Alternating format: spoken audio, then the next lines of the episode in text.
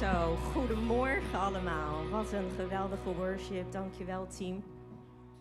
Goedemorgen, zo goed om hier te zijn deze ochtend en jullie gezichten te zien. De mooie mensen allemaal.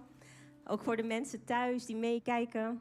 Heel goed dat je meekijkt. Ook jij bent onderdeel van wat God aan het doen is hier in Rotterdam. Gaaf dat je intuned. Hey, en vorige week was Vision Sunday. Ik was er helaas niet bij. Ik was in het buitenland. Maar wat een mooi thema. He is our hope. Wow, als je die kan pakken, niet alleen in je hoofd, maar ook echt in je hart. Dat je in gaat wandelen, dat je gaat weten en beseffen dat Hij onze hoop is. En Hij leeft in jou. Dus dat betekent dat overal waar jij gaat, jij hoop kan meedragen. Dat overal waar jij gaat, jij hoop kan uitdelen. En je kan een verschil maken. Dus pak dat thema in je hart. He is our hope. En ik was in het buitenland. Ik heb met de livestream mee kunnen kijken vanaf mijn hotelkamer. En um, ja, het is uh, heel bijzonder. Ik uh, zal jullie wat insight geven. Weet je dat het allereerste wat ik doe... Ik, ik reis namelijk heel veel voor mijn werk als stewardess. En het allereerste wat ik altijd doe... zodra ik mijn kamer binnenkom is op zoek gaan naar de deurhanger. De deurhanger is voor mij heel belangrijk. En waarom? Want ik wil ochtends vroeg niet horen housecleaning, housecleaning of dat er ineens iemand binnenkomt om een kraantje te maken of zo. Nee, nee, nee. Zorg ervoor dat je altijd je deurhanger als eerste buiten je deur hangt. En uh, normaal gesproken zijn die deurhangers, ik heb een beetje een tikje, kijk ik altijd wat erop staat. En vaak is het heel simpel. Er staat er please do not disturb. Maar zo nu en dan zijn ze heel creatief. En vorige week was ik in Stockholm en daar vond ik deze deurhanger. Daar stond op Dreaming Big Dreams. Wauw, hoe creatief is dat, hé? Dat sprak me heel erg aan. Ik dacht, oh, dat is een leuke voor, voor vandaag. Dreaming Big Dreams. Want ik geloof dat God big dreams voor jou heeft. Ik geloof dat Hij big dreams voor jou heeft. En met big dreams bedoel ik dat Hij de dromen die Hij voor ogen had toen Hij je leven gaf. Weet je, in Zijn woord kunnen we lezen, nog voordat Hij jou maakte, in de buik van je moeder, kende Hij je al. Nog voordat je werd geboren, had Hij een taak voor jou heeft Hij een missie voor jou, voor hier op aarde. Zo krachtig. Dus laat je nooit wijs maken dat je zomaar hier plotseling op aarde bent gekomen en dat je maar het beste ervan moet maken. Een mooi huisje, een boompje, een beestje of wat voor volgorde je ook volgt.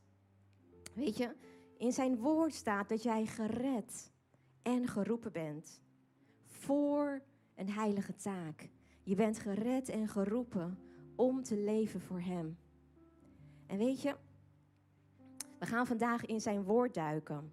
En ik wil naar een uh, Bijbeltekst gaan, naar iemand in de Bijbel die een big dream van God kreeg. Waar wij vandaag de dag nog steeds, een vlieg, de vruchten van mogen dragen. Maar voordat we dat gaan doen, wil ik graag bidden. Lieve Vader in de hemel, Heer, dank u wel. Dank u wel voor deze ochtend dat we hier bij elkaar mogen komen dat we uw woord mogen openslaan. Heer, en ik bid voor ja, harten die openstaan om te ontvangen wat u wil vertellen. Wat u wilt zeggen, Vader. Heer, wilt u mijn woorden salven en wilt u bij ons zijn in deze dienst. In Jezus' naam. In Jezus' naam. Amen.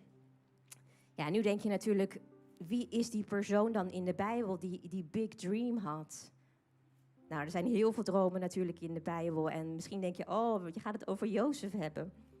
Nee, nee, nee. Ik ga het over Jacob hebben. De droom van Jacob. Een hele mooie en bijzondere droom. Maar voordat, voordat we naar de Bijbel gaan, wil ik kort even de situatie schetsen. Want misschien is niet iedereen bekend met Jacob en wat daar aan vooraf ging. Hallo. Maar Jacob die was net uit zijn huis gevlucht. Uit het huis waar hij woonde met zijn familie. En waarom? Omdat zijn broer Esau, zijn tweelingbroer, die wilde hem vermoorden. Omdat Jacob al meerdere malen hem heeft bedrogen en zijn vader heeft bedrogen. En hij heeft van Esau de zegen weggeroofd. En Jacob was ontzettend, Esau was ontzettend boos op Jacob. Hij was tot in alles in staat en hij wilde hem vermoorden. Zijn moeder, de moeder van Jacob, die een opdracht gaf aan Jacob, die zei van, Jacob, ik wil dat jij hier weggaat. Je moet vluchten. Ik wil dat je naar Haran gaat. En Haran is de plek waar zijn moeder vandaan komt, waar zijn familie, waar hij ook nog familie heeft van zijn moeders kant. En onderweg naar Haran krijgt hij deze bijzondere droom. Laten we lezen. In um, Genesis 28 vanaf vers 10. Jacob vertrok uit Beersheba en ging naar Haran. Op een avond, toen de zon onderging, maakte hij een slaapplaats klaar. Hij legde een steen onder zijn hoofd als kussen en ging slapen. Toen kreeg hij een droom. Lieve mensen, als jij een steen nodig hebt om als kussen te gebruiken, om te slapen, dan ben je in de wildernis. Dan ben je in survival mode. Dan ben je op een plek die wellicht niet heel comfortabel is. En je kunt stellen dat Jacob geestelijk gezien ook wel op zo'n plek was. Geen fijne plek. Kan me voorstellen dat hij door allerlei emoties heen ging. Angst. Ik bedoel, hij moest een super lange reis maken. Hij moest van Beersheba helemaal naar Haran. Dwars door de Syrische woestijn heen. En ik heb het even opgezocht hoe ver dat is. Dat is wel zo'n 1200 kilometer. En wellicht, ik denk dat hij te voet was. Ik durf niet nog 100% hij te zeggen, maar hij was waarschijnlijk te voet. En qua afstand, dat kun je vergelijken met van Rotterdam naar Rome. Kortom, een hele lange reis en hij wist niet wat hem te wachten stond. Ik kan me voorstellen dat hij verdrietig was. Verdrietig omdat hij zijn familie moest achterlaten. Verdrietig omdat hij niet wist wanneer hij überhaupt zijn familie weer zou terugzien. Misschien had hij wel spijt van wat hij gedaan had. Kortom, hij ging door een moeilijke tijd heen. Maar toch lees je hier dat hij ervoor kiest om op die steen te gaan slapen. Die steen, die moeilijkheden, die problemen, die oncomfortabele plek. Hij valt daar in slaap. En hij krijgt een droom. Ik vind het heel mooi om te lezen. Want ik geloof dat dit ook echt een uitnodiging voor ons persoonlijk is. Ik weet niet op welke steen jij je hoofd hebt leggen, liggen. Maar kan het zo zijn dat God je uitnodigt, net zoals Jacob, om te slapen op die steen? En wat ik ermee bedoel met slapen, slapen is volledige overgave. Dat God je uitnodigt om door jouw moeilijkheden heen je volledig over te geven aan God. Want God wil tot jou spreken. En hij sprak tot Jacob door middel van een droom. Laten we lezen wat voor droom Jacob kreeg. Een hele mooie. Hij zag op aarde een ladder staan, waarvan de top tot in de hemel kwam. En hij zag engelen van God langs die ladder omhoog klimmen en naar beneden gaan. Bovenaan de ladder zag hij de Heer staan.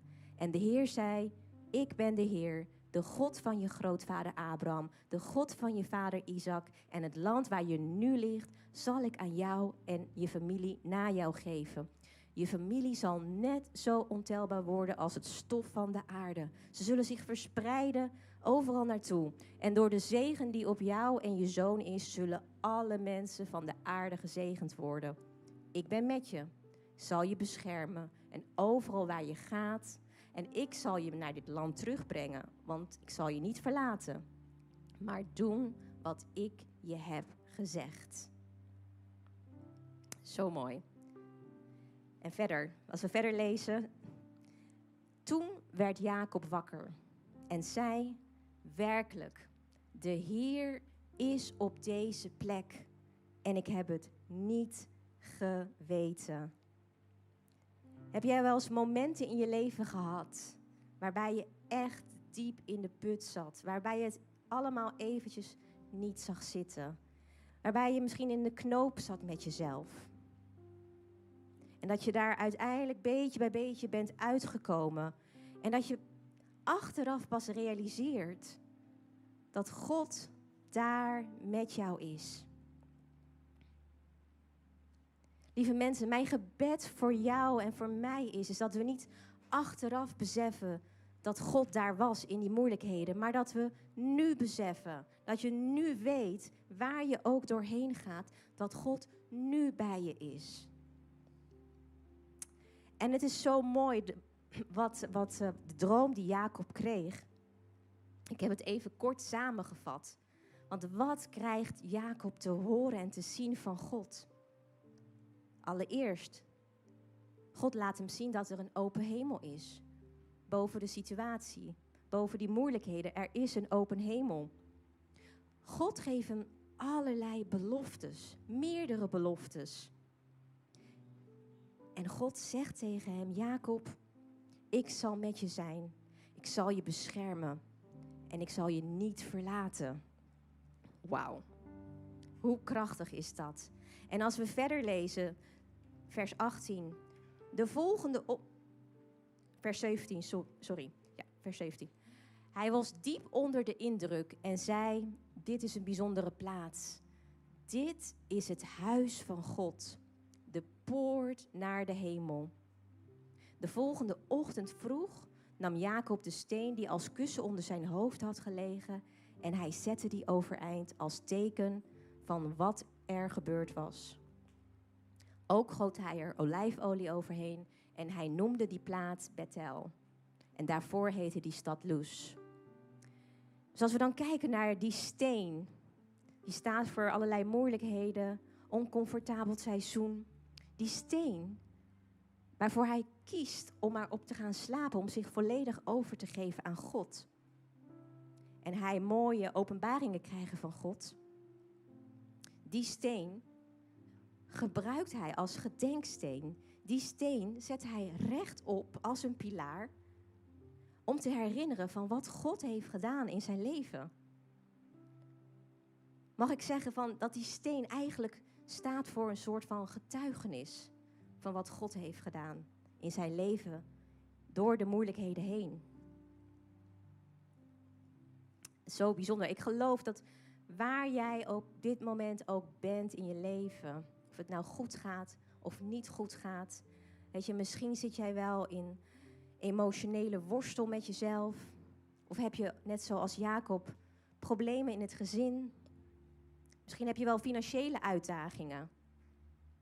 Of worstel je met je gezondheid.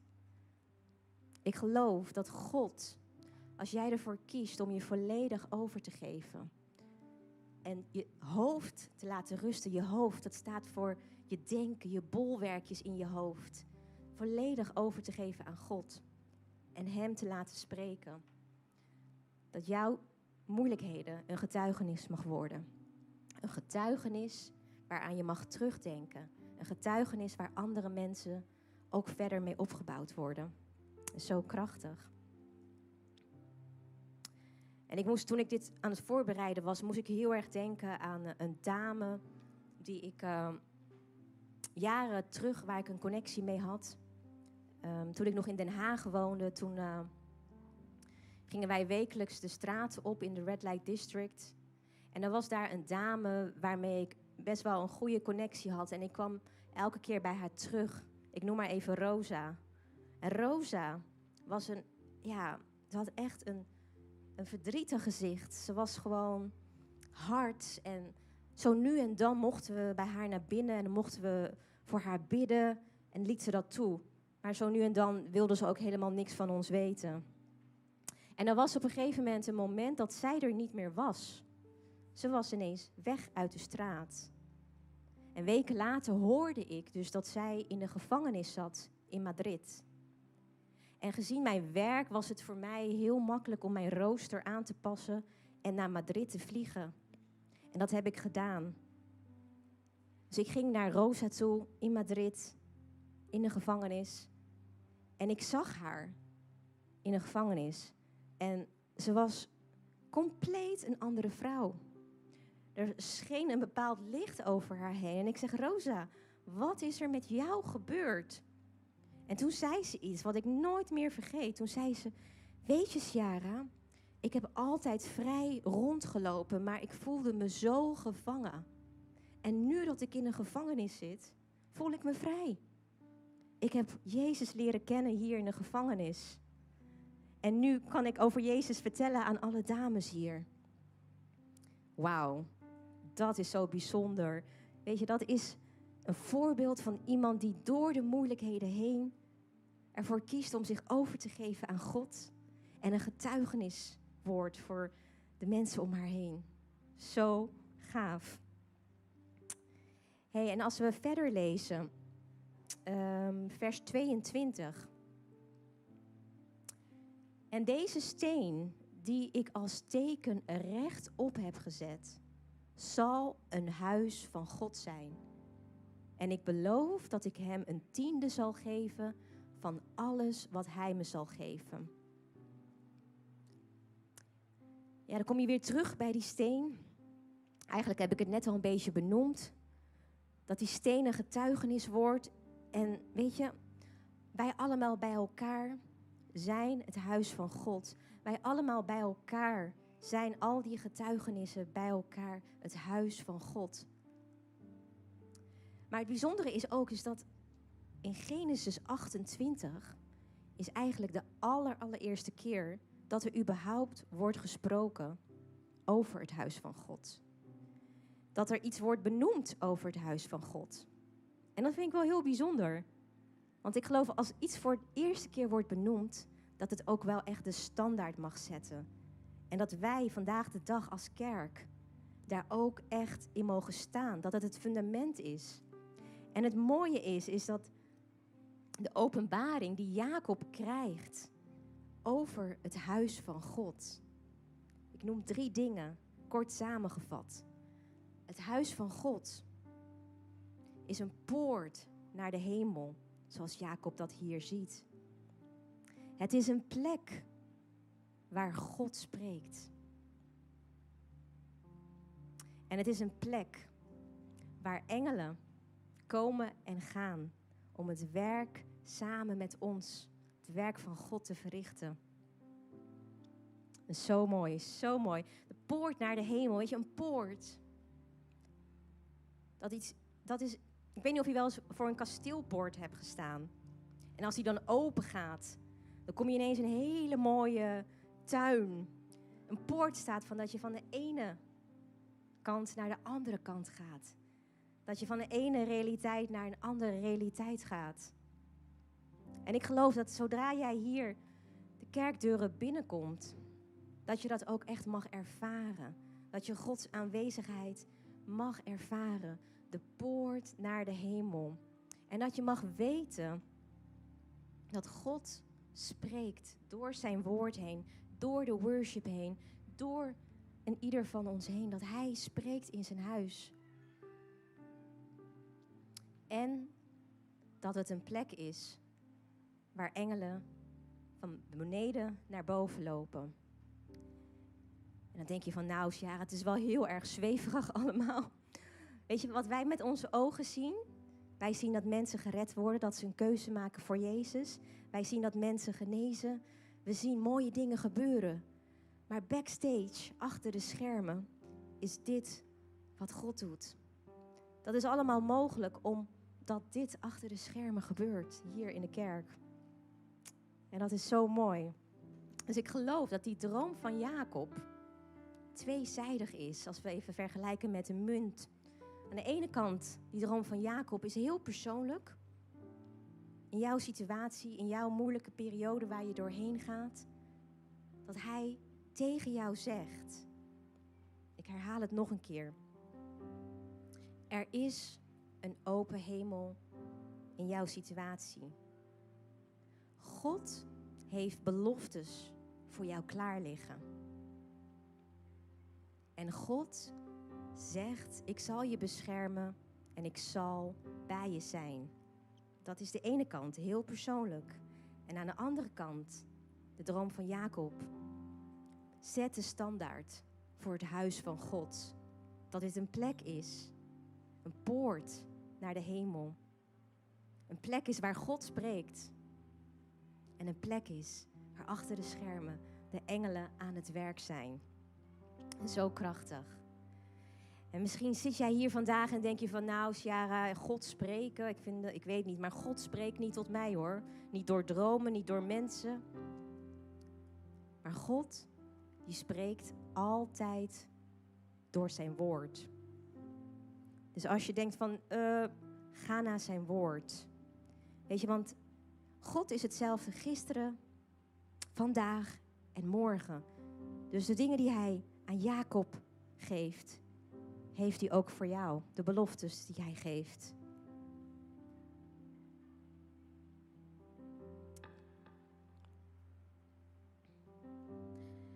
En ik wil uh,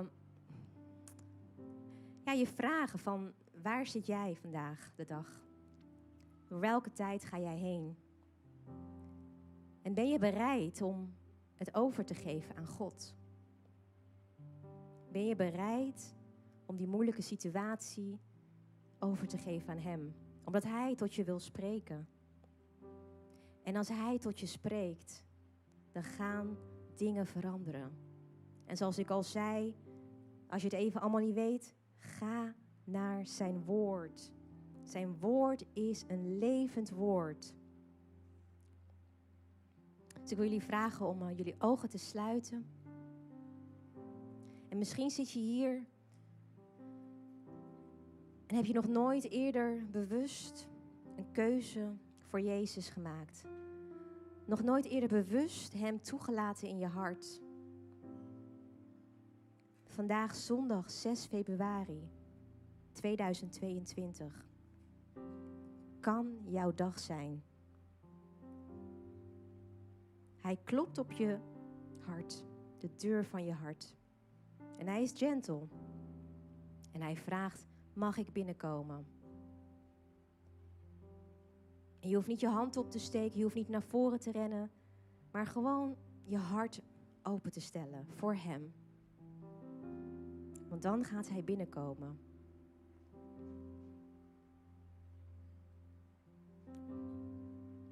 Heer, dank u wel, Vader.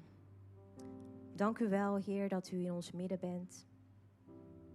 Vader, dank u wel dat vandaag de dag ook mensen een keuze maken voor u. Mensen die u misschien nog helemaal niet kennen.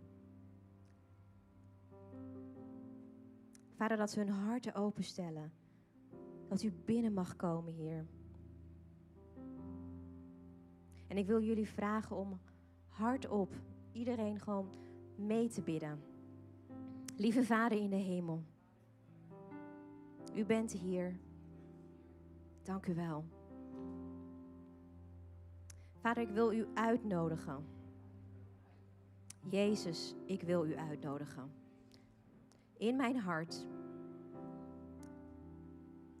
Vader, vergeef me voor alle dingen die ik verkeerd heb gedaan. Momenten dat ik ja, u niet erkend heb. En wilt u in mijn leven komen? En wilt u mijn koning zijn? Wilt u mijn redder zijn? En mijn aller, allerbeste vriend vanaf vandaag. In Jezus' naam. In Jezus' naam. Dank je wel. En als jij degene bent die vandaag een keuze heeft gemaakt, ga even naar het uh, gebedsteam daarachter. Vertel dat jij degene bent die een keuze heeft gemaakt. En laat ze voor je bidden. Het is zo krachtig. En je reis met God begint vanaf vandaag. En het is mooi. Hij gaat je mooie dingen geven. Dank je wel.